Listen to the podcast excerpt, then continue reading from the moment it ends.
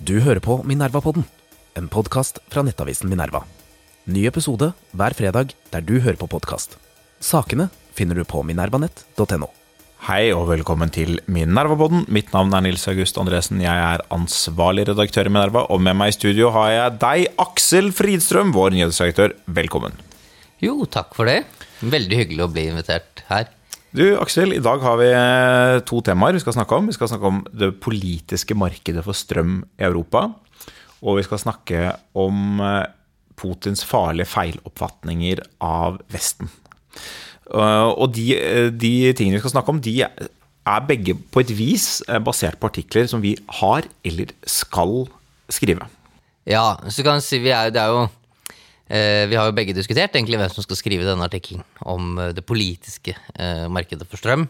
Og jeg vil, vel kanskje ikke kommet til, til enighet ennå. Nå er det kanskje som et effektiviseringstiltak da, å prate om det i stedet. Ja, men vi har funnet ut at vi skal gjøre dette til en, eh, til en liten eh, konkurranse med, mellom oss, kan du si, og for, for våre lyttere. Så saken er den at vi liker jo begge å skyve arbeidsoppgaver over på den andre, eh, men en, av oss må jo gjøre dette her. Og nå kan du som lytter få være med å bestemme. Eh, Hvis du eh, vil stemme, så vippser du litt penger til Mediehuset Minerva på Vips. Eh, Du vippser 100 kroner for Aksel Fridstrøm, og du vippser 200 kroner for undertegnede. Nils Augusten Andresen. Så de som har veldig god råd, veldig god tid, lyst til å lese 20 sider fra deg, de, de må vippse mye penger da. Ja. Riktig, og det, og det er derfor man må vippse litt mer hvis jeg skal skrive, for det blir jo gjerne en litt lengre artikkel. Ja, litt lengre. Det er en del tilbakemeldinger på det. Ja. Det er en del tilbakemeldinger. Noen liker jo det, og da, da, da vippser man 200. Hvis man vil ha kortvarianten, en billig, overfladisk, eh, forsimplet eh, analyse, da vippser man 100 kroner, og så får man en artikkel av Aksel. Så bare etterlatt med flere spørsmål egentlig enn det du begynte med. Og resultatene av avstemningen vil komme i neste utgave av Minerva-podden. Men la oss gå rett inn i temaet det politiske markedet for strøm i Europa. Det, hva er det vi vil ta opp med det begrepet? Nei, altså eh, Min, mitt sånn utgangspunkt for den artikkelen var at jeg mener at det finnes jo to typer markeder for strøm. Det ene er jo et, et økonomisk marked for strøm som følger de økonomiske reglene. Da? Altså Hvis kraftprisen er høy, så eh, vil man jo typisk ønske at det skal bygges ut mer strøm. Og hvis den er lav, så vil man jo bygge ut mindre strøm, typisk. Eh, det som jeg eh, mistenker, eller tror er et tilfelle, er at eh, man f.eks. ved å ha integrert for kraftmarkedene sine, sånn som man har gjort i mye større større grad i Europa, så kan man f.eks. lage eh, situasjoner hvor det blir mer økonomisk attraktivt å, å bygge ut strøm, egentlig, men hvor det blir politisk sett mindre attraktivt, og at det politiske markedet for strøm på sett og vis motvirker de økonomiske markedene, har veldig veldig forskjellig dynamikk, og som skaper ganske mange suboptimale eh, løsninger. For eksempel så vil jo muligheten til å importere energi. At du har muligheten til å kjøpe energien et eller annet sted. Det gjør det mye enklere å si nei til egen lokal energiutbygging. F.eks. fracking, eller hva det måtte være. For det er ikke like viktig for forsyningssikkerheten. Nei, altså Med en gang du har muligheten for å, å importere, så trenger du ikke å bygge ut selv for å ha forsyningssikkerhet. Vil jo i hvert fall mange tro, da. Altså Nå viser det seg at den antakelsen kanskje ikke er helt riktig, men det har liksom vært ligget litt implisitt i, i, i Ja, Man må i hvert fall bygge ut mindre. og Dette er jo den eh, argumentasjonen som gis når man skal forklare og begrunne eh, de norske kablene. At eh, Hadde vi ikke hatt disse kablene, da måtte vi bygget ut mye mer strøm for å få forsyningssikkerhet. Det, det som er den interessante det er, det er som du sier at det, det økonomiske markedet fungerer i en viss forstand perfekt. De økonomiske insentivene fungerer. Altså, kraften går dit hvor den gjør mest nytte for seg. Stort sett. Ja. men, men stort sett er det sånn.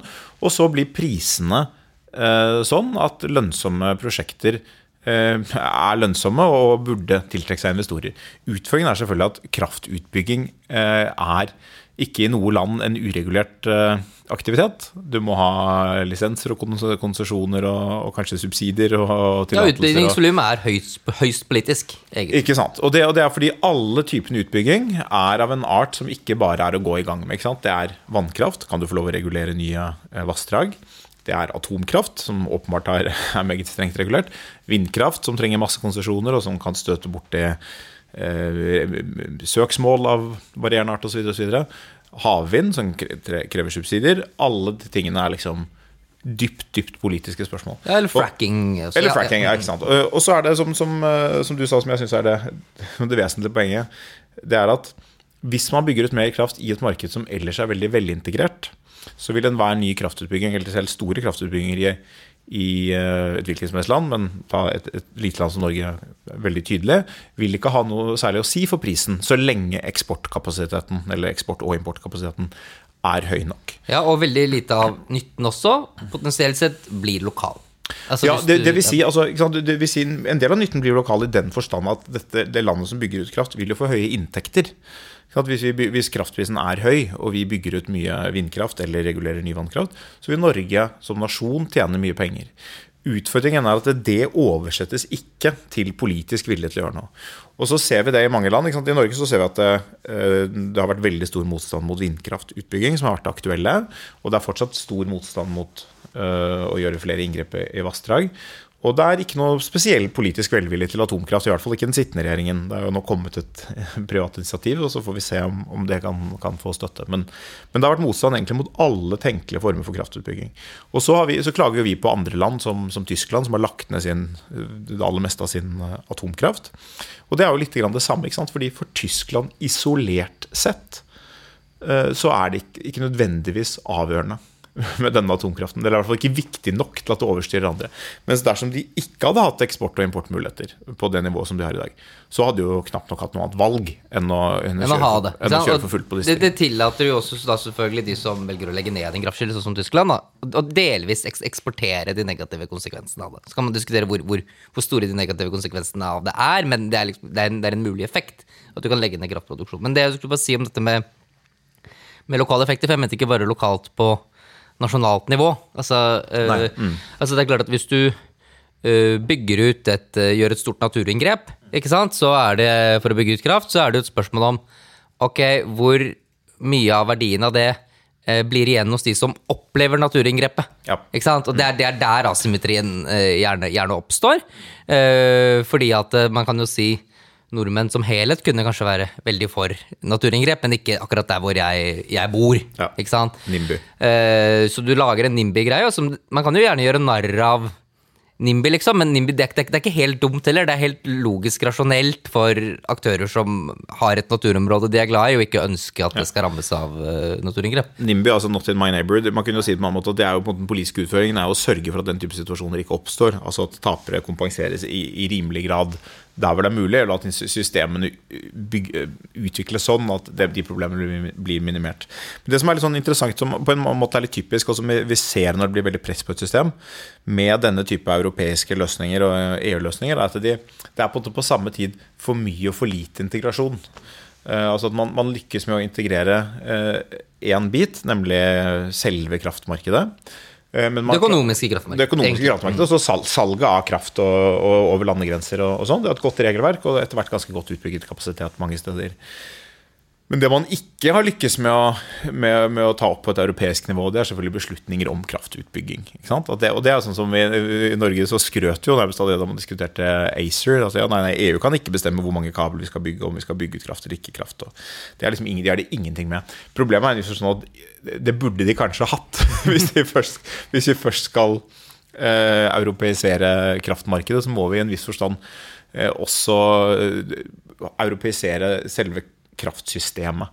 Og det, det har vi ikke gjort på samme måte nå. Når systemet havner under press, så ser man tydeligere hvordan, eh, hvordan Ja. det skaper mange utfordringer. Og, og jeg mener at det som i realiteten har skjedd nå, nå hvor forsyningssikkerheten er, er, er anstrengt, er jo at det, det politiske selv om det liksom er samarbeid i det økonomiske markedet for kraft, altså strømmen går jo dit hvor liksom prisen er høy nok, så er det jo egentlig en slags form for politisk konkurranse om hvem er det som får lov å bli kjøperen.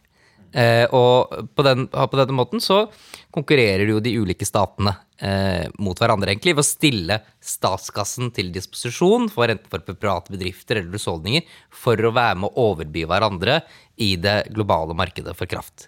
Så man samarbeider jo egentlig ikke, og det er jo, synes jeg er så veldig interessant med, med liksom den, den norske diskusjonen om, om kraftmarkedet, for det blir liksom sånn fremstilt eh, som om den løsningen vi har i dag, hvor man da er jo integrert selvfølgelig, men hvor man har veldig eh, mye penger fra staten til kjøpstøtte for husholdninger, i særdeles, men også litt til bedrifter nå. eh, som en slags sånn solidarisk eh, løsning. Men nå har jo Tyskland også gjort det samme, og de er jo eh, skjelt ut ikke sant, over eh, som Tysklands egoistiske energy bailout, det er jo det som står i The Economist, fordi at alle forstår at det, dette er en måte for rike land å støvsuge markedet for energivarer på. Ja.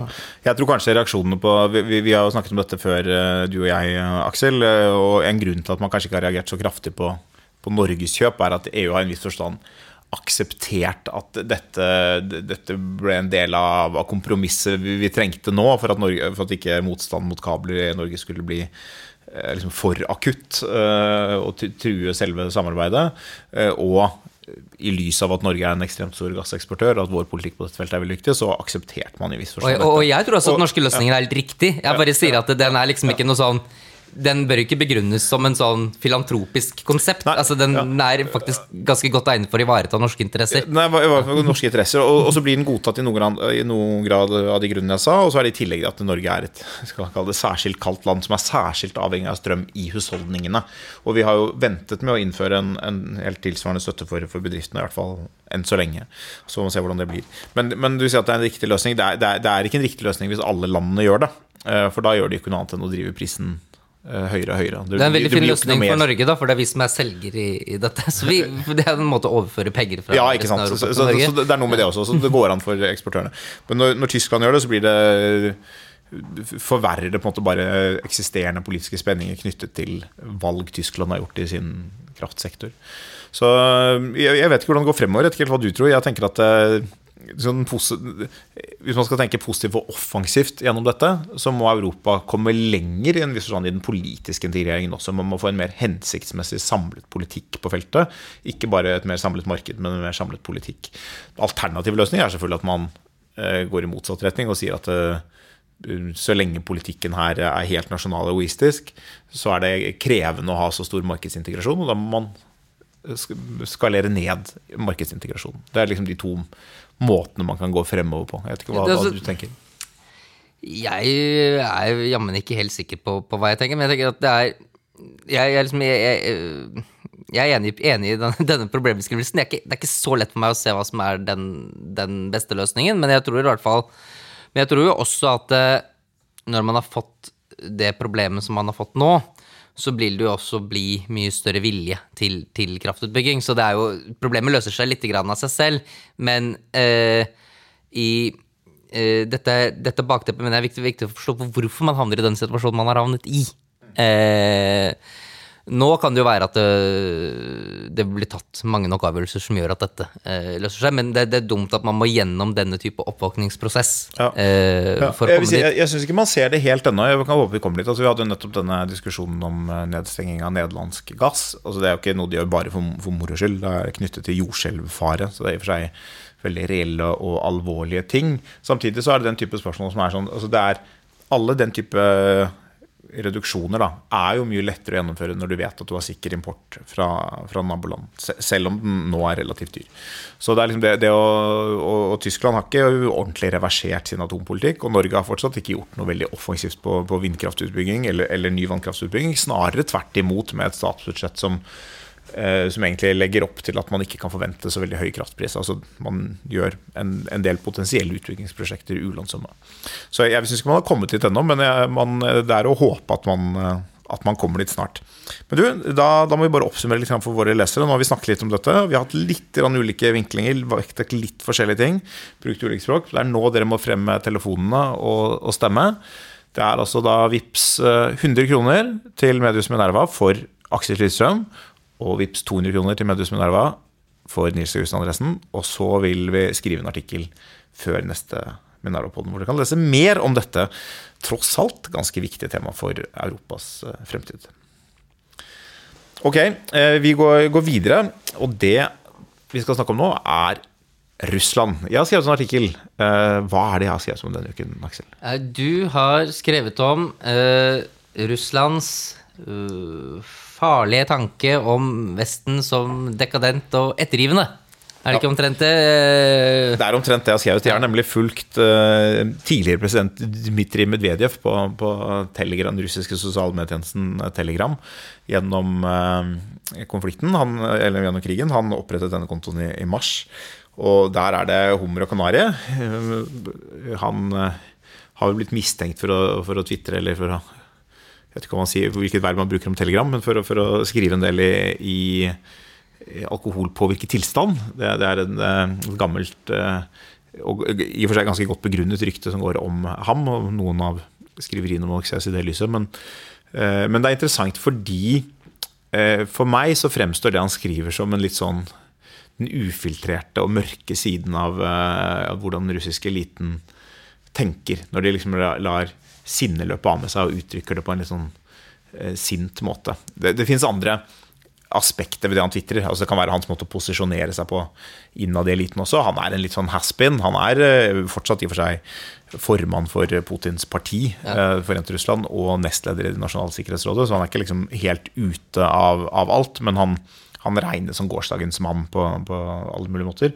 Men, Men jeg, jeg tenker også bare å si at jeg tenker også litt grann på han som en person som kan true eller være veldig direkte eller ubehagelig uten at det kommer formelt Ja. fra regimet, men Ja. eh, som en kanal for å fremme trusler som man er litt diffust om det er en Kommer det fra regimet, eller kommer det fra Ikke sant? Så, så man har mange sånne Ja. indirekte måter å fremme ting på. Sånn, det har kommet en del atomtrusler og sånne ting. Det som, det som har interessert meg, er hvordan han beskriver eh, Vesten. eh, Liksom adjektiver til, til ord som ikke hadde trengt å være der, eh, men som er der nettopp fordi han eh, Fordi de, de betyr noe for ham og, og trigger emosjoner i ham. Og, det, og den posten jeg begynte med, så beskriver han Vesten eh, Vesten som mennesker som vi sitter på en måte i våre rene hus og leiligheter. Han har med dette adjektivet 'rene'. Og vi sitter og fingrer med våre vinglass. Eh, og sitter her og liksom eh, tenker at nå skal vi eh, gjøre det dårlig for Russland. Vi sitter her og skriver 'med vår klassiske dannelse'. Og det provoserer ham voldsomt. Og det, det er sånn, det, det bildet man får altså Vi sitter her i fine, rene leiligheter. Vi drikker vin. Vi er liksom så dannende. Og det provoserer vettet av Medvedev. Eh, Og og hvorfor det? Nei, ikke sant? Det er jo dette, dette går nok tilbake til en sånn russisk fornedrelse på 90-tallet, hvor Russland ble korrupt og, og fattig og skittent og alkoholisert og, og sånn, og, og Vesten ble forbundet med, med luksus, og alt var rent og pent og vakkert og rikt og, sånne ting. Men også som noe som går mye lenger tilbake. Altså, det er et begrep som, som ble brukt også i sovjettiden, som var de siviliserte landene. Eh, som da refererte til deres geopolitiske hovedfiende og de brutale, kapitalistiske, onde landene, sånn som de så det, refererte man likevel ofte til som de siviliserte landene. Noe av dette går tilbake til marxistisk doktrine og, forskjellige men, men eh, Du har gjenklang i det i Dostojevskij også, du snakker Ja. også om ja? Altså, man, eh, at man har alltid følt at Vesten på en måte har ligget lenger fremme og hatt et stort og vondt mindreverdighetskompleks i forhold til det. Men det går også sammen med en sånn forestilling om Vesten som veike, dekadente, fallende, ettergivende. Og det er det, det er det med det du skriver om, at her vi sitter i våre varme og rene og fine leiligheter og drikker vår vin. Hvis vi ikke passer oss, må vi gi opp dette. Da blir det krig, da blir det skittent. Da kan dere ikke sitte der lenger og føle dere så gode og fine. Da må dere liksom ut og slåss i skyttergravene. Sånn som vi. Sånn som vi gjør, Ja. det kommer ikke dere til å klare. Det er budskapet. Uh, og det jeg, jeg, ikke, og det, jeg tror nok noen i Vesten også har tenkt sånn. Jeg vet ikke hvordan du tenker, Er det, er det en rimelig beskrivelse av Vesten? Jeg tenker jo i hvert fall at eh, Så jeg vil, jeg ville jo ikke beskrevet disse tingene så negative ordlag som Medvedev gjør, men, men altså, det er jo en del ting som eh, liksom ligger i den russiske Den, den ideen om å liksom å Bare man bare, bare, bare man ofrer nok, ikke sant? så bare det, man er villig til at det skal være vondt nok, så vil liksom den russiske hæren vinne, eller da vil det russiske folket seier, fordi de er i stand til å ta på seg hele den lidelsen. Og så mye lidelse eh, vil de liksom ikke kunne akseptere i Norge eller i Amerika. Det er jo også på et vis sant.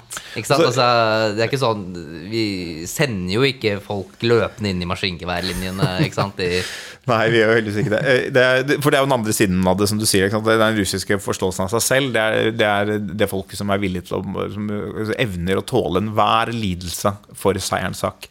Men jeg, jeg, jeg tror begge disse forståelsene er i en viss grad mytologier eh, som er bygget litt på hvordan man forsto andre verdenskrig. Russerne tapte jo 27 millioner mann under annen verdenskrig, og det er, står helt sentralt i, i, Russlands forståelse av seg selv. Sovjetunionen tapte 27 millioner mann, men mange russere. Um, og de Eh, de opplever at de har den evnen. Det er klart at det er ikke sånn at befolkningen er nødvendigvis er spesielt villig til det, men de hadde valget mellom å bli skutt bakfra og bli skutt forfra, og de, de døde. Og jeg tror Et helt sentralt poeng her er det general George Patton sa til den tredje armé, eh, den amerikanske generalen under verdenskrig, at målet med krig Eller ingen har vunnet noen krig ved å dø for sitt fedreland. Nei, det er å få den andre, det, det å den andre til å dø for sitt fedreland. Det er sånn du vinner krigen. og det Eh, og sånn sett var det ganske nære på at Russland tapte også, med, med de enorme tapene de, de hadde. Og, når, og, at Vesten ikke hadde større tap, betyr ikke at de ikke kunne tålt å ha større tap. Det er også viktig å forstå. Altså det, er at det var ikke nødvendig med større tap for å, for å vinne, i en viss forstand. Men, men eh, det, det, bringer oss frem til situasjonen i dag. jeg tror at det er, det er nok riktig at vi, vi, sitter her med våre vinglass og, og vi setter terskelen høyt før vi er villige til å sette på en måte velstand og orden og ro Eh, i spill. Eh, men jeg tror at man, det denne konflikten har minnet oss om, i forstand, er at eh, vi er villige til krig. Vi er, vi er, villige til krig hvis nok står på spill. Foreløpig har Nato holdt seg utenfor direkte konfrontasjon i krigen, men amerikanerne har jo mer enn antydet, og, og Stoltenberg kanskje antydet også, at dersom man ser for en kjernefysisk eskalering, så, det, så, kan det tenkes at Nato går inn som en direkte part i konflikten. Selv om vi da forstår at det innebærer at vi vil være i direkte krig med Russland. Eh, og, og jeg tror at den, den erkjennelsen har både seget inn gradvis hos den europeiske befolkningen. og det har ikke vært, Jeg har ikke sett noen målinger på det, men jeg, jeg ville tro at måte, viljen til i siste instans å forsvare eh, våre verdier og vår sikkerhet og vår, den europeiske sikkerhetsarkitekturen og det vi oppfatter som, som Vesten, Eh, med våpen, den er til stede. Eh, og jeg tror kanskje det en sånn har overrasket Russland. Fordi den russiske liksom, modus operandi har vært basert de siste 15 årene i veldig stor grad på, eh, på trusler om eskalering. Og så har man opplevd at trusler om eskalering har brakt Vesten enten til ettergivelser eller til hvert fall til forhandlingsbordet. Så det er mulig å Og, og mange, mange, ganger, egentlig. Mange ganger, ikke sant. Og, og, sånn sett så har da, da på en måte Medvedev hatt rett. Eh, det, det, har, det har opplevd det som om vi har prioritert økonomi og, og behagelig liv da, eh, fremfor Eh, konflikt og kostbare, kostbar konflikt eller, og risiko for tap og risiko for eskalering. Men det er også fordi det ikke har stått nok på spill for oss. For jeg tenker litt på dette som om La oss si at jeg øh, forsøker å rane deg, da, for eksempel. Kan jeg, kan jeg rane deg for ti kroner? Ja, du kan faktisk få meg for ti kroner. Ok, Kan jeg rane deg for 100? Ja, jeg kan få deg for 100. 1000? Ja, nå begynner det å bli vanskelig, men jeg kan få deg for 1000. Uh, så kan jeg få deg for en million. Og da sier nei, la oss selge slåss. Ja. Og da er det veldig vanskelig å gå tilbake til Ja, men kan jeg forhandle deg bare for ti kroner igjen? Altså når, du først, når, du først, har sagt at du er villig til å slåss for å stanse ranet, mm. så kan du ikke gå tilbake til å, å true for mindre ting. Og det er den logikken som har brutt sammen litt for, for russernes del. Fordi at de, de tror at Vesten alltid er villig til å gi etter for en trussel. Men når man til slutt har sagt at man ikke er villig til å gi etter, så er man ikke villig til å gi etter for, for, noen trusler, egentlig. ikke sant? Og der, Da bryter det sammen. Nei. Og, og så, Det finnes jo en ordentlig en logikk også hvorfor det er viktig ikke å gi etter for en, en atomutpressing. At hvis du, hvis du i, eh, gjør det, så blir det et veldig attraktivt virkemiddel å bruke. Eh, enten du skal ha ned en million eller ti kroner, så tror du med atomvåpen og, og tar det du vil ha. Så, det er på en måte eh, en logikk Vesten ikke kan gå inn på, som jeg tror at ikke ble ordentlig forstått i Russland, at dette var absolutte linjer. Og, og, så kan man si at eh, Vesten har jo da i en viss forstand bidratt litt til å skape det bildet som, som Medvedev satt med. Medvedev var jo han som uh, var med å åpne Nord Stream 1 eh, da han var president. Og det var jo to år etter at Russland hadde brukt gass som et virkemiddel da, i sikkerhetspolitikken i gasskonflikten i 2009. Det var etter krigen i, Georgia. Og så kom det flere hendelser senere, med, selvfølgelig med eh, Krim og, og, den hybridkrigen som, som, var i Donbass fra 2014. Så, så, og alle disse tingene ga relativt veike vestlige responser. Så det er klart at Russland ventet en respons. De ventet noen sanksjoner, kanskje noe eh, symbolsk hjelp osv. Men de, jeg tror ikke de forventet at eh, Nato plutselig så sin skjebne nærmest eh, forbundet med utfallet av krigen i, i, Ukraina, og at det ble vår kamp. Det, for det er jo sånn det oppleves nå. Og så får man se sant, om du skrev om eh, den finske presidenten eh, Ninstø. Eh, Ninistø, som var i Norge denne uken, som sa at det, er liksom, det å bevare samholdet er vår enorme og store og avgjørende utfordring gjennom vinteren. Og det er jo ikke dermed sagt at vi lykkes med det, men, men, men det ser i en viss forstand ikke så mørkt ut som jeg tror mange kanskje fryktet på forhånd. da. At vi selv, selv høyrepopulister som vi trodde var ganske russlandsvennlige, f.eks., har, har holdt linja mer eller mindre. Georgia Meloni som vant i Italia, har um, vært veldig tydelig. Støtte til, til Nato og EUs initiativer og sanksjoner. Eh, og motstand. Og jeg tror ja, og en del av de tidligere Putin-vennlige høyrepopulistene skammer seg ja. også?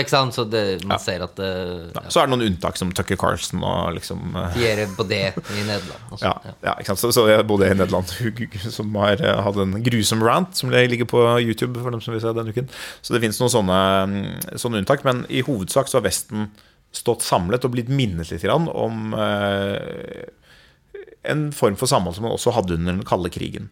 Og, og det, jeg tror nok at uh, Hvis Russland husker tilbake til den sovjetiske utenrikspolitikk, så tror jeg nok ikke de betraktet Vesten som fullt så veike, og at de satt der med våre think tanks, som, uh, som Røde skriver om. De, Eller, de, visste at det var en slagkraft bak. og det og faktisk vil de jo kanskje også til og med kunne huske at de noen ganger feilkalkulerte og trodde at Vesten var mye veikere enn det de, de var. Så det er jo det som leder frem til Eh, det de mediene kaller for kar Karibiekrisen, men som vi kaller for, for Cuba-krisen. Ja, ja det, det, er jo, det er jo en komplisert eh, affære, selve Cuba-krisen. Men, men, eh, det som er et interessant spørsmål for utenrikspolitikken, er burde man da, mye tid, når man ble ranet for en tier, burde man på en måte tatt kampen allerede første gangen? Og, og det som er tilfellet, er selvfølgelig at Russland har jo vært dyktige til å manøvrere sånn at man har gjort det vanskelig for Vesten å samle som en tydelig respons. Så Hvis vi tar de krisene som har vært der, krigen i Georgia den ble jo trigget av en urolig situasjon i Sør-Ossetia, som har en lokalbefolkning som eh, har, ikke har ønsket å være underlagt eh, Tbilisi, eh, hovedstaden i Georgia. Eh, det er en krig som Russland har vært inne i hele veien, helt fra Sovjetunionens oppløsning. De har bidratt til å holde liv i denne type etniske konflikter og, og sånn kvasistater i, i alle sine naboland. Det har vært en helt bevisst og kynisk del av deres utenrikspolitikk. Men det, det var nok substans der i en viss forstand til at det gjorde det vanskelig for Vesten å være superresolutte. I tillegg til at det var vanskelig for oss å gripe inn militært. George Bush sendte uh, faktisk et, uh, noen krigsskip til, eller noen skip fall, til, til Svartehavet som hadde en tilstrekkelig avskrekkende effekt til at det situasjonen roet seg etter at Russland mer eller mindre hadde vunnet og nådd sine første mål. Så gikk de i hvert fall ikke videre. Men vi klarte ikke å samle som en ordentlig respons der. Og så er det litt det samme med Krim og, og sant? Det husker jo mange av oss fra, fra 2014. At det var, det var, veldig lett å fremstille som det er en komplisert situasjon.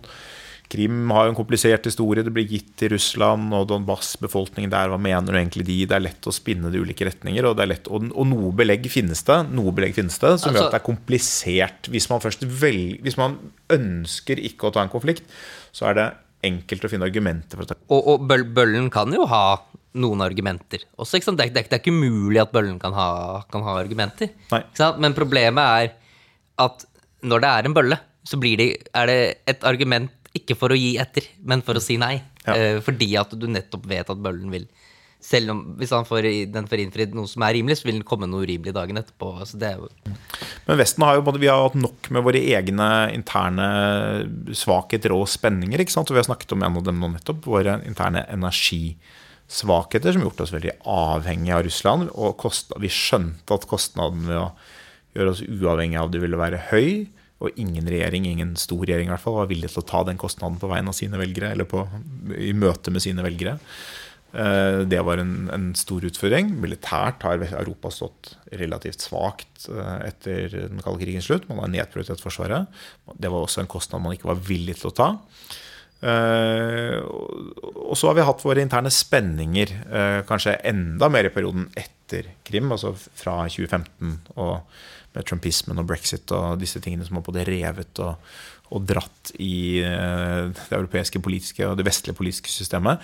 Delvis selvfølgelig hjulpet frem av Russland. Det er nok ikke, de skal ikke få mer ansvar for den enn nødvendig, men de har bidratt så godt de kunne til å forsterke eksisterende spenninger, som gjorde det ekstra vanskelig på en måte å samle både den enkelte nasjonen og, og, fellesskap av nasjoner om en kraftfull respons mot Russland. Men det som har skjedd med Ukraina, er jo nettopp du sier, at det er, her kommer de for hele millionen. Vi skjønner at dette her, hvis de vinner frem med dette her, så truer det hele det som vi har tenkt på som vår uh, sikkerhetsarkitektur, eller vår, hele vår uh, grunnlaget for at Europa er det, vi, det, det fredelige kontinentet vi kjenner det som. Vi kan ikke gi oss på det. Og, det, og plutselig så er vi i viss villige til å være i skyttergravene, og det, og det gjør Uh, Medvedev veldig frustrert, for å vende tilbake til ham. da. Og, og, det som er litt farlig med det, er at det, gjør også at russerne i en viss forstand blir forvirret. Altså, de, de, kommer med trusler, de vil at truslene skal ha en effekt. Og så har de ikke en effekt. Ikke de truer med atomvåpen, så fører det bare til at Nato sier ok, da slår vi hardt tilbake. Og så ser du at, at Nato begynner å klargjøre seg mentalt og, og på andre måter for å møte de situasjonene som kommer. Truslene ja. har ingen effekt, og det skaper en litt pussig situasjon for og du ser jo også at det er jo Bare tilbake til dette med hvorvidt Medvedev snakker for vegne av det russiske regimet eller ikke, men man ser jo også at når man snakker om å slå tilbake mot disse truslene som Medvedev kommer med, altså bruk av atomvåpen, så er det jo også eks eh, høytstående offiserer. ikke sant? Petraeus, eksempel, tidligere mm. vel, øverstkommanderende i Afghanistan, som sier 'hva vil USA da gjøre'? Ja. Eh, så der har, man har jo den dynamikken med at ja, tidligere ja, altså personer som ikke har en formell rolle, diskuterer Ja, både Petraeus og Ben Hayes har vel sagt at de skal bombe Svartehavsflåten og russiske tropper i Ukraina. Så, så, man havner, men, men, det gjør at situasjonen er litt ustabil, og det er jo litt uforutsigbar. At uh, aktørenes uh, planverk kan ikke følges fullt ut, fordi man ikke forstår motparten fullt ut. Og er, vi har ofte snakket om hvordan vi har slitt med å forstå Putin, og, og, og, få, og spå hva han kommer til å gjøre, og liksom skjønne Vi har kranglet om hva, hva hans motivasjoner egentlig og den type ting. Men det er viktig å huske på at Russland kan også slite med å forstå Vesten det, det ikke, de, de, sitter ikke som allvitende sjakkspillere der borte, men de, de, sliter med å forstå vårt neste trekk, og kanskje ikke minst med å forstå den egentlige motivasjonen hos vestlige politikere. Det, det kommer nå og, og plager dem, og forhåpentligvis mer dem enn oss, men det skaper en litt uforutsigbar situasjon. Da har vi kommet til veis ende, Aksel. Men det en ting vi glemte å minne om. For nå har vi minnet alle om at vi må vippse penger for å stemme. Men, men hvis noen ikke vil ha artikler hvis, ingen, hvis ikke vil at noen av oss skal skrive, da eh, kan dere heller tegne et abonnement på Minerva. Så hvis nok mennesker Hvis det er flere som tegner abonnement enn som donerer, så Og da får du jo også lest artikkelen den ble skrevet. Det er jo ja, godt poeng. Veldig godt poeng. Veldig godt poeng. Ja. Ok, takk for oss. Takk, adjø.